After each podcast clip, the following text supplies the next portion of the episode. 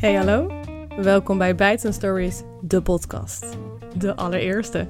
Dus ontzettend leuk dat je luistert. Hey, mocht je ons nog niet kennen, Bites Stories organiseert al vijf jaar rondleidingen aan de hand van eten en verhalen, daarom Bites Stories. Ja, wij ontmoeten daar solo-reizigers, koppels, groepjes vrienden of uh, teamuitjes. En wij lopen met hen langs verschillende eetlocaties. Daar krijgt iedereen een hapje te proeven. En dan vertellen wij met heel veel enthousiasme het bijzondere verhaal achter het hapje. Ook vertellen we graag over de ondernemer die het hapje heeft verzorgd. En tussendoor vertellen wij onze favoriete verhalen over de stad. Dat alles bij elkaar, dat noemen wij een food tour. En dat doen we door het centrum van Den Haag. Dat is wat wij in normale tijden doen. Maar, zoals bij zoveel, is ook bij ons het leven helemaal veranderd door de uitbraak van het coronavirus. Normaliter lopen wij met een klein team aan gidsen onze tours. Ja, wij missen het verhalen vertellen over het eten en hoe eten zich verbindt tot, nou ja, ongeveer alles in het leven. En zo besloten we eigenlijk om uh, Stories de podcast op te zetten. Ik ben Kerenze van der Sluis, oprichter van Bijtse Stories. En ik neem voor nu deze podcast op vanuit mijn ouders huis, specifiek de werkruimte van mijn vader. Uh, ik kom uit een hele lange reeks schoenmakers. En ik kan je zeggen, zo'n werkruimte vol met machines en die heerlijke schoenmakerslijmgeur waar ik mee opgegroeid ben, ja, die leent zich uitstekend voor een opnameruimte. Dan nu, waar gaan we het over hebben? In elke aflevering gaan wij op zoek naar hoe eten zich verhoudt tot bijvoorbeeld schilderkunst, taal, muziek, nou noem het maar op. En in deze aflevering ga ik telefonisch in gesprek met Martine Smit over hoe eten zich verhoudt tot film. Martine Smit, filmliefhebber in hart en nieren, organiseert filmevents bij het Filmhuis in Den Haag en is ook onder andere filmprogrammeur voor het bekende Movies That Matter Festival, dat elk jaar wordt georganiseerd door Amnesty International. Martine zei meteen ja toen ik vroeg of zij met mij in gesprek wilde gaan voor deze eerste podcast. Maar nu was er wel één dingetje. Martine is hoogzwanger. Dus er was enige haast nodig om alles op te zetten voordat de kleine er zou zijn. En ik zeg je heel eerlijk, het was ook best een beetje spannend zo de eerste keer opnemen. Zeg, Martine. Zeg, Kerenza. Popcorn, hè? Ja. Zoet of zout? Zout, sowieso. Ja? Altijd Ja. zout? Altijd zout. En is dat dan toevallig ook hetgeen wat je het liefste eet wanneer je film kijkt? Of heb je andere lievelingssnacks? Nou, toevallig wel. En dat samen met eh, gele M&M's. Gemixt ook. Pleasure. nee, dat niet. Oké. ja, jij werkt onder andere als filmprogrammeur voor Moves That Matter Festival. Ja. En je hebt voor eh, Filmhuis Den Haag filmevenementen georganiseerd. Krijg jij er iets van mee hoe belangrijk eten is rondom de ervaring van film kijken? Ja, nou, nou moet ik zeggen, bij Movies That Matter, dat, dat zijn films over mensenrechten. Dus daar merk je gewoon dat mensen heel erg gefocust zijn op het onderwerp. Eh, en niet per se, zeg maar, het zien als een eh, bioscoopervaring in die zin zoals wij het misschien kennen met eh, een avondje uit naar Pathé. Wat wel grappig is, is dat ik wel een verschil merk tussen filmhuizen en grote bioscoopketens. Want filmhuizen die zijn meer gericht op eten voorafgaand of na de film, zeg maar. Dus een soort van Mhm. eh, film en food aanbiedingen, zeg maar, in een restaurant bij het filmhuis. En bij grotere bioscoopketens is het meer inderdaad voor iets voor tijdens de film. Dus je wordt ook door een hele route geleid waar je allemaal lekkere dingen ziet. En eh, dus daar is, speelt het een belangrijkere rol, denk ik. Ja, precies. Dus het heeft ook wel weer te maken met de cultuur van de film, als ik het zo Ja. eh, kan zeggen. En wordt het eten, het aanbod van het eten, ook dan afgestemd op het aanbod van films eh, of andersom? En dan heb ik het bijvoorbeeld nu even over het filmhuis, hè, waar dan voor of naderhand wordt, wordt geserveerd. Is daar ook nog iets wat je in opvalt? Ehm, nou, wat je de laatste tijd wel vaker ziet, wat ik wel een hele leuke ontwikkeling vind, is dat inderdaad ook steeds vaker het menu wordt aangepast op de films die draaien, bijvoorbeeld. Ehm, zo heb je ook een, dat, wat, wat ik zelf heel gaaf vind, dat heet Cinema Culinair. Die nemen het nog een stapje verder, want die eh, organiseren dus evenementen waar je dus tegelijkertijd, terwijl dat je een film ziet over eten, krijg je hetzelfde voorgeschoteld, zeg maar. Dus eh, ja, dat vind ik zelf echt een hele toffe, toffe ontwikkeling. Omdat gewoon die hele ervaring van film daardoor ook bijzonderder wordt op het moment als je hetzelfde te eten krijgt, zeg maar, eh, als wat je ziet. Ja, dat is natuurlijk echt het ultieme uh, film kijken. Want hoe vaak Ja. kijk je wel niet naar een film of een serie... of soms zelfs een tv-programma... waarin er zoiets lekkers wordt geserveerd. Ja, En dan ja, zit je eigenlijk gewoon te watertanden... en hopen dat je dat ooit een keer gaat eten. ja. Maar nu krijg je het ook gewoon. Ja, ja, zeker. Zulke soort ontwikkelingen zijn gewoon heel gaaf natuurlijk. Ja, en eh, merk je ook of dat zeg maar dan ook echt veel meer mensen trekt? Andere, andere type mensen die norma- dan normaal gesproken komen? Nou, ik moet zelf zeggen dat ik eh, cinema culinair niet zo heel goed ken wat betreft de doelgroep hoor. Maar ja, je, merkt gewoon natuurlijk wel een verschil tussen filmhuisdoelgroep en eh, bijvoorbeeld de grotere bioscoopketens. En dat er dus inderdaad ook op een andere manier met eten wordt omgegaan. Want eh, over het algemeen gaan misschien filmhuizen ervan uit dat de mensen die daar komen veelal eh, meer te besteden hebben. Dus ook echt een diner zeg maar voorafgaand of daarna nemen. Dus dat is wel anders. Hey, en wij kennen elkaar van de, de opleiding International Media Entertainment Management. Hele mond vol. Ja, we hebben samen toen ook een filmmijner gedaan. Ja. En toen moesten we een hele hoop films kijken en analyseren. Maar nou heb ik toen echt ook wel heel veel vragen niet gesteld aan onze leraren. Dat waren allemaal mensen uit het vak, eh, uit het filmvak. En een van die vragen die ik eh, eigenlijk altijd wel heb gehad, is waarom wordt er in zoveel films van alles en nog wat besteld en wordt het nooit opgegeten? Is dat puur eh regietechnisch of Ja. is dat gewoon onhandig voor die acteurs? Ja, weet jij daar iets van? Ja, ik vind het een hele leuke vraag. Soms heb je, is het heel erg overduidelijk. Eh, een van die scènes is bijvoorbeeld die die gelijk in mijn hoofd eh, opschiet. Is eh, in Pulp Fiction dat, dat John Travolta zeg maar één hap van zijn burger neemt en vervolgens een checkie begint te draaien. en verder ook zijn burger niet meer aanraakt. Ik denk toch dat het gewoon te maken heeft met dat eten vaak ondersteunend wordt gezien voor een film. Weet je? Het is een manier om een setting te creëren of om een verhaal te vertellen of een haakje zeg maar voor een scène. Eh, maar dat het niet per se het eh, hoofdonderwerp is. Dus vandaar dat, eh, dat het gewoon meer ondersteunend wordt ingezet. En inderdaad, het is lastig om een scène op te nemen als een acteur zeg maar zijn mond vol heeft, denk ik. Ik zie ook wel eens van die scènes. En dan zie je gewoon, ah, ze hebben hier wat geëdit. Want net was het broodje nog op de helft. Daarna is het op drie kwart. En nu ineens nog maar op één kwartje over. is dat ook de, ja, de nachtmerrie van, eh, van een editor... die, eh, die daar alles aan elkaar moet gaan zetten? Ja, dat kan ik me wel voorstellen, ja. Ik bedoel, je probeert natuurlijk zo goed mogelijk alles hetzelfde te houden. Dus ik kan me voorstellen dat het voor een editor wel heel vervelend is, omdat eh, ja, toch wel een doorn in de oog is. Maar Ja. ik denk ook weer dat alle filmmakers ook weer een, een heel andere visie hebben op welke functie eten heeft in een scène of zo. Ja, Eh. precies. En soms eh, is het juist nodig dat ze het eten... eh, om het verhaal over te brengen of Ja. eh, aan te geven dat ze, dat ze dronken zijn. ja, mijn zusje zegt ook altijd wel eens: Ja, er zit toch helemaal niks in in dat glas. Ja, ja. Die gelooft gewoon niet dat ze continu thee drinken in, eh, in films. ja, je hebt natuurlijk ook wel method actors die echt, eh, zeg maar, gewoon echt alcohol eh alsmaar blijven drinken. Om gewoon maar een soort van dat personage helemaal te kunnen vervullen. En dat gewoon tijdens dus de echte Ja, eh, opnames. Volgens mij zijn er best wel wat acteurs die er zo eh, tegenaan kijken. Die dat, eh, Wauw. Dat Ja, dat, dat is eh, echt eh die hard committen. ja. Zeker. En iemand vertelde mij laatst een, eh, over een best wel grappige scène eh, van Friends. Eh, nou, de- dat eh, ken je denk ik wel. Daar is die scène met Rachel dat zij een trifle gaat maken. Weet je welke ik Oh, bedoel? ja. Ja, ja. Ja, dus dit is verteld trouwens door eh, Sigrid. Hoi Sigrid. En Sigrid die, eh, die werkt ook voor Bites Stories. En ehm, zij, vertel, zij is echt een enorme Friends-fanaat. En die weet dus allemaal van die kleine grappige feitjes. Zo ging Rachel dus een trifle maken. En dan had ze per ongeluk twee recepten aan elkaar. Dus ze ging, terwijl ze een banaan, een slagroom, eh, nog wat gerecht aan het maken was, die trifle dus, was ze ook een soort bolognese-achtig eh, Ja. gerecht aan het maken. Dus dat werd een hoofd en een nagerecht in één. En dat smaakte natuurlijk verschrikkelijk. En Ross was dat helemaal van, "Ugh, ugh, wat vies. En die spuugde het dan zo uit. En Joey was dan zo erg van aan het genieten... dat hij zelfs Ross een eh, bordje ging opeten. Maar blijkbaar hadden ze het vergeten te wisselen met een ander bordje. Dus heeft hij letterlijk het uitgespuugde eten van Ross Oh! Ja, en toen dacht ik, oh ja, dit zijn van die dingen tijdens ja, dat je dan aan het filmen bent en je bent gemoeid met eten. Dat zijn ook dingen waar je over na moet denken. Wanneer wissel je zoiets of hoe doe je dat dan? Ja. Uh, ja. En dan kan het zomaar misgaan.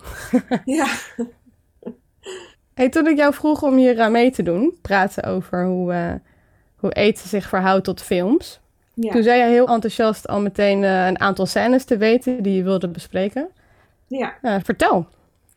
Nou, het is grappig, want toen je met het idee kwam, toen ging ik gelijk een beetje inderdaad nadenken van, oh ja, eten in film. Uh, want je hebt natuurlijk gewoon films die daadwerkelijk echt over eten gaan. Die dat echt als een soort van rode draad hebben. Als je bijvoorbeeld kijkt naar een film als uh, Chocola of Chef, dan gaat het vaak over een soort van het verwezenlijken van een droom. En dan zorgt eten echt voor de ontwikkeling van een, van een personage en van, van het verhaal. En de andere film, wat ik zelf echt een fantastische reeks vind, is The Trip. Ik weet niet of je dat kent. Nee, nee. Het is eigenlijk opgezet als serie, zeg maar, in, uh, in Groot-Brittannië. En het is met uh, twee uh, komieken, Rob Brydon en Steve Coogan. En wat ze doen is, ze gaan de, in de eerste film gaan ze gewoon door Engeland heen en gaan ze gewoon bij allemaal restaurants gaan ze, gaan ze eten. Dus een soort van culinaire roadtrip is het. Mm en onderling zitten ze gewoon heel veel grapjes te maken ik vind het een heel mooie combinatie, omdat het soort van, ze zijn allebei heel erg gepassioneerd over eten. Uh, en tegelijkertijd zijn ze ook gewoon heel erg met zichzelf bezig en met hun imago. En, uh, dus dat laat heel mooi, zeg maar, ook uh, de vriendschap zien en een soort van gedeelde passie. Ja. Dus dat zijn natuurlijk gewoon films die echt daadwerkelijk over, over eten gaan. Precies, echt, echt het rondom het thema van eten ja, ja. wordt het helemaal uitgelicht. Mm Ja, ja, maar toen ging ik ook eens nadenken over films die niet per se over eten gaan, maar waar opeens best wel een belangrijke rol toch is voor eten. Uh zoals ik net al zei, bijvoorbeeld Pulp Fiction, nou, daar is zeg maar praten over eten, is daar echt een, uh, een rode draad. Dat is echt een uh, soort van, heel veel van de dialogen tussen personages, die zijn gebaseerd op zeg maar, nou ja, er zitten natuurlijk heel veel dialogen in, maar een paar van de bekendste dialogen die, die gaan over eten. Als je bijvoorbeeld kijkt naar uh, The Royale with Cheese. Ik weet niet of je die dialoog kent. Ja, uh, ja, precies. Van uh, de quarter pounder, dat ze dat niet hebben in, in Frankrijk because of the metric system. Dus het heet daar The Royale with Cheese. dat is vooral in Pulp Fiction heeft het ook verschillende functies, zeg maar. Dat, dat hele praten over eten en de scènes die met eten te maken hebben die laten eigenlijk een beetje zien, zeg maar, de verbanden tussen, tussen bepaalde personages. Dus bijvoorbeeld ook één scène waar uh, Jules, zeg maar, uh, een, een, groepje jongeren aan het intimideren is. Dus door hun hamburger te pakken en, te zeggen, oh, I've never tried this burger. En, maar op een heel intimiderende manier, waardoor zeg maar dus een bepaalde functie heeft. Ja, precies. En die burger komt dan dus weer terug. Ja, uh, ja, Maar dan in een andere functie. Ja, klopt. Ja, sowieso is in Pulp Fiction is echt American uh, fast food, zeg maar, is echt uh, de helft van het eetverhaal, zeg maar, in Pulp Fiction. het gaat echt allemaal over milkshakes en burgers en... ja, dus, dus dat was een voorbeeld van, de, van een film waar ik gelijk aan moest denken van, oh ja, dat zijn echt hele belangrijke dialogen geworden. En die gaan eigenlijk allemaal over eten, wat ik heel grappig vind. Een andere film waar ik aan moest denken, een andere scène, was uh, uit een film die uh, heet Everything is Illuminated. Mm Het is naar een uh, boek van Jonathan Safran Foer. Dat gaat over een Amerikaanse Joodse man die op zoek is naar, um, naar de vrouw die zijn opa heeft gered tijdens de Tweede Wereldoorlog. En er zit daar echt één scène in. En dat, dat, vind ik, dat blijft een van mijn meest favoriete scènes ooit. Want die Amerikaan die is dus vegetariër. Dus hij gaat proberen uit te leggen aan die Oekraïense mannen met wie die op reis is, dat hij geen vlees eet. Dus het gesprek gaat een beetje zo van, uh, nou ja, ja ik uh, hoop dat ze wat te eten hier hebben voor me, want uh, ja, ik eet geen vlees. En dan vragen ze, wat is er nou mis met je? ik eet geen vlees, weet je. En dan probeert hij dat dus over te brengen en ze begrijpen het gewoon niet. En op een gegeven moment wat hij dus krijgt als gerecht is dus gewoon één gekookte aardappel. Dat is het enige wat ze zich voor konden stellen bij geen vlees. Ja, dat vind ik fantastisch. Want het maakt gewoon op zo'n subtiele manier maakt het zeg maar ook culturele verschillen in die film maakt het heel duidelijk. Juist, dus dat, ja, zonder uh, oordeel ook. Uh, ja. Gewoon, ja. oké, okay, ja, dit is wat wij verstaan eh, als in geen vlees. Ja, Klaar. ja, ja. Dus dat, dat, ja, ik weet niet. Ik vind, dat, ik vind dat heel mooi dat dat dus heel subtiel, zeg maar, dat eten eigenlijk best wel een hele belangrijke rol speelt. Zowel als het, eh, een, een leidraad voor een film, hè, zoals eh, Chef. Ja. Dat vind ik ook echt een, eh, wat jij al zei, prachtige film over eten en hoe het soort van ontstaan van streetfood. eh, of in ieder geval van die, eh, van die busjes, hoe ze dat dan eh, verkopen. Ja. Maar waar het ook inderdaad een symbolische ehm, rol kan spelen. ja, Naast het symbolische, hoe je dat net omschreef, maar dat je wel eten echt nog ziet, of dat de film letterlijk over eten gaat, heb je ook het Mhm. idee dat film een andere wending heeft gekregen, eh, bijvoorbeeld met documentaires eh, over, over eten, waar, waar het vooral om het concept van eten gaat? ik, ik moet bijvoorbeeld denken aan Chef Staple. Ik weet niet of je dat kent. Juist, ja. Ja, dat is een eh, Netflix-serie. Nou, het is een prachtige serie. echt onwijs mooi gefilmd.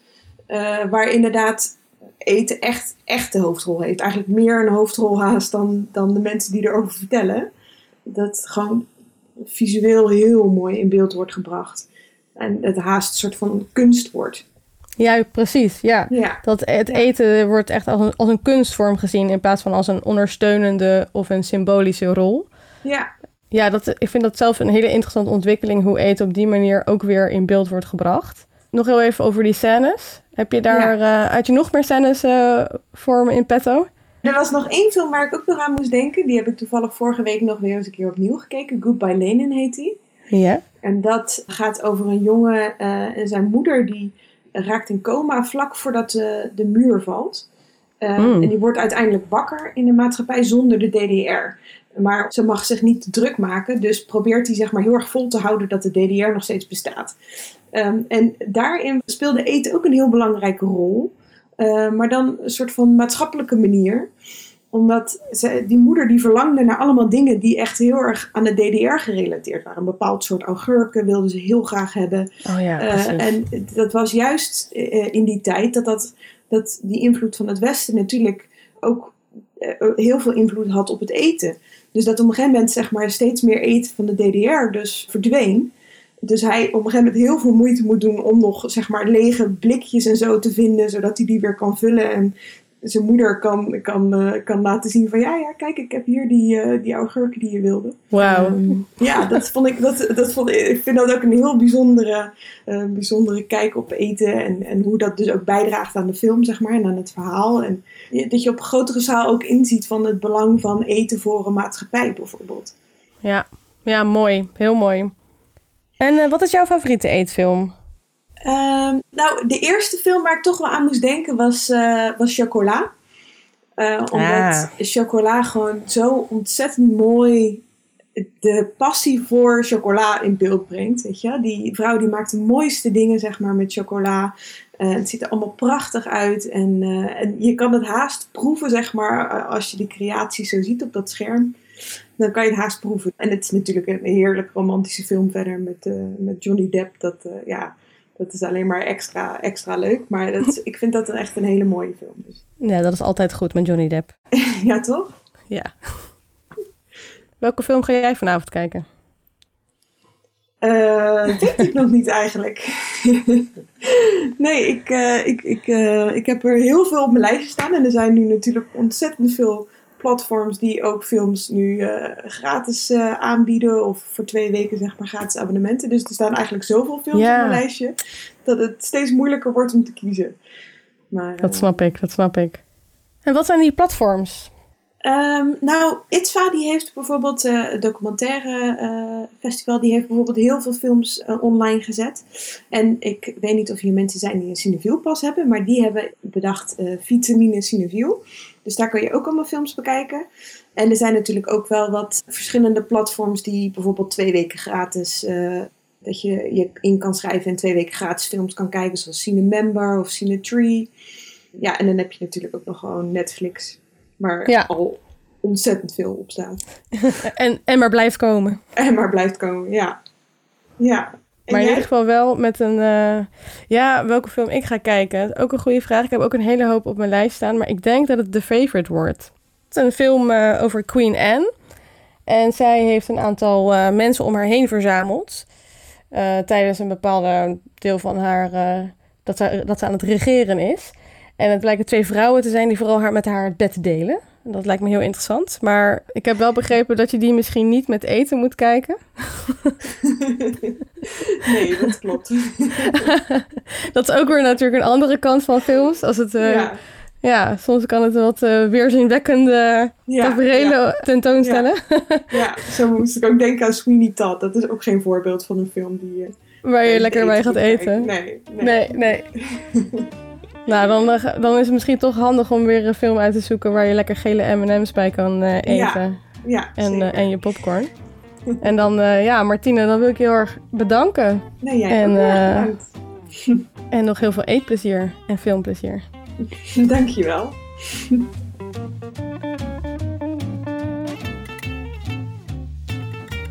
Na ons gesprek, met een zeer filmische tijd van slechts 8 uur kwam Martine het kindje gezond en wel op de wereld. We hadden dus ons gesprek precies goed getimed. Wat een stunt, hè? Welkom, kleintje. Dat je maar veel mooie films met je moeder mag kijken. Na het heerlijke genieten van de kraamtijd gaat Martine met veel plezier weer aan de slag met het programmeren van films en het organiseren van filmevenementen. Alle films en tips die Martine en ik hebben besproken, die kan je terugvinden op onze website www.bijtsenstories.com podcast.